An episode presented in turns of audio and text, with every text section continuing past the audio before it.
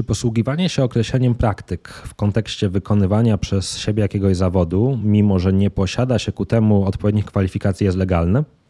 Ja nazywam się Wojciech Wawrzak, jestem radcą prawnym, autorem bloga prakreacja.pl i założycielem specjalistycznej kancelarii prawnej Prakreacja Legal, a w dzisiejszym odcinku postaram się zmierzyć z tematem różnego rodzaju określeń, które wykorzystywane są na stronach internetowych, na blogach, w newsletterze, w jakichkolwiek innych e, komunikacjach marketingowych w odniesieniu do pewnych cech związanych z wykonywaniem jakiegoś zawodu. No i na przykład weźmy sobie tego praktyka. Praktyk hipnozy, praktyk rozwoju osobistego. Mm, czy posługiwanie się takim sformułowaniem praktyk jest w jakiś sposób obwarowane prawnie? No, jeżeli chodzi akurat o słowo praktyk, to niekoniecznie, bo nie jest to jakiś tytuł zawodowy typu radca prawny, adwokat, rzecznik patentowy, doradca podatkowy, mm, lekarz, chirurg i tak.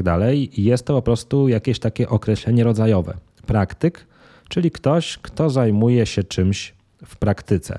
No, o ile dany zawód nie ma jakichś regulacji wewnętrznych związanych z uzyskiwaniem tytułu pozwalającym wykonywać jakiś zawód, tak jak na przykład u radców prawnych mamy całą ścieżkę, aplikację radcowską, egzamin zawodowy i dopiero po zdaniu tego egzaminu można posługiwać się terminem radca prawny.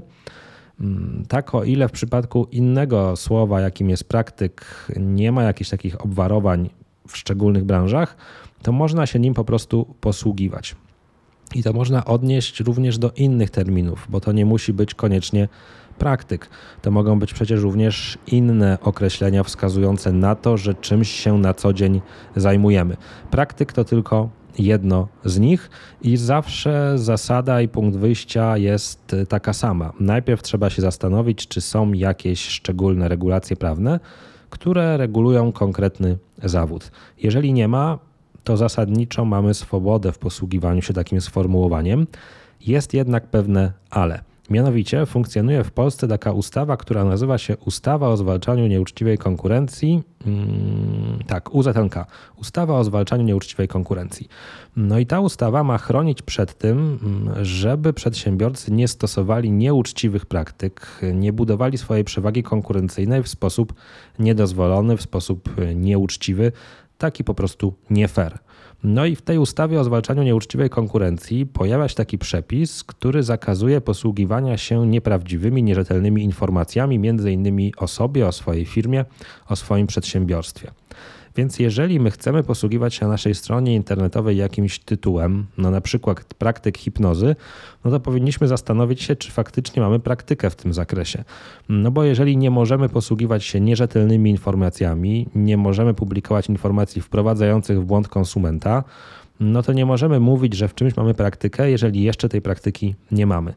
Czyli wprawdzie brak tutaj jakiegoś reżimu wynikającego z jakiejś szczególnej regulacji, brak jakiegoś egzaminu pozwalającego posługiwać się terminem praktyk, natomiast trzeba to oceniać poprzez ogólne reguły związane z niewprowadzaniem konsumenta w błąd.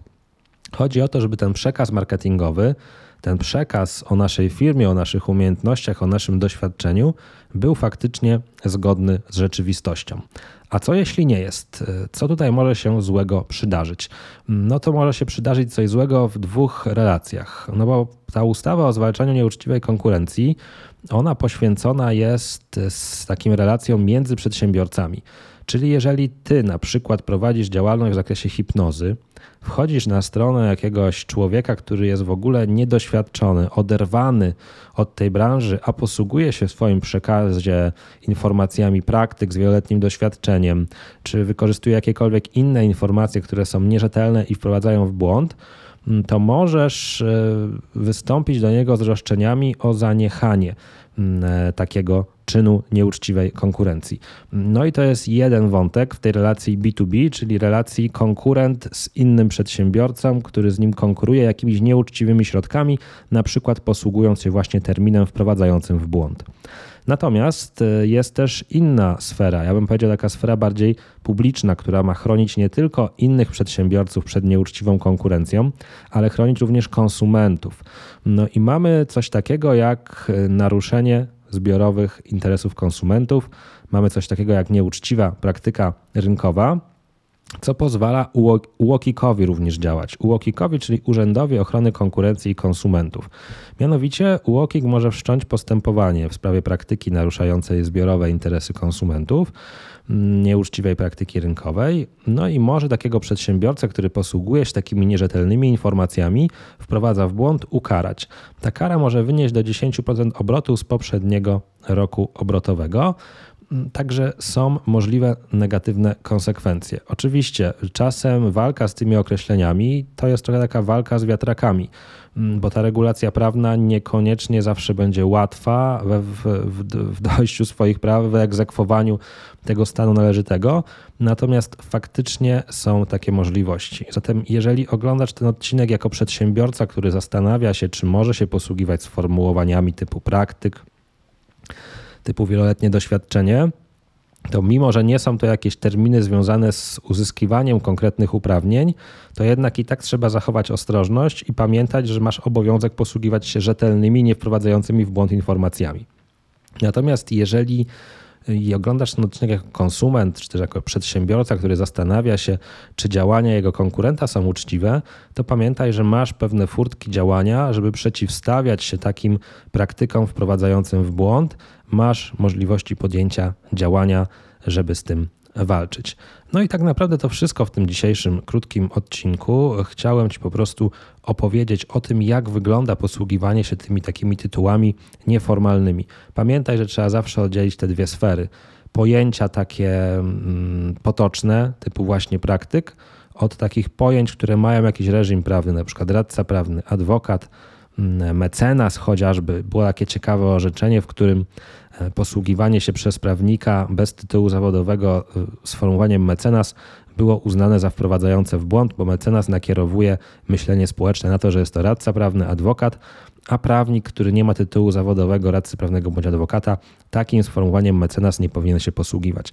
Natomiast jeżeli chodzi o te wszystkie rodzajowe pojęcia typu praktyk, to tak naprawdę jesteśmy tylko w reżimie nie wprowadzania w błąd, posługiwania się rzetelnymi informacjami w swoim przekazie. To wszystko na dzisiaj. Wielkie dzięki za uwagę. Jeżeli chcesz otrzymywać na swoją pocztę e-mail rozwiązania innych konkretnych problemów prawnych, to koniecznie zapisz się do mojego newslettera. W ramach niego co tydzień przesyłam jeden konkretny materiał rozwiązujący jeden konkretny problem prawny. Link do zapisu znajdziesz w opisie tego odcinka. Dzięki za uwagę, do usłyszenia, do zobaczenia. Trzymaj się ciepło. Cześć.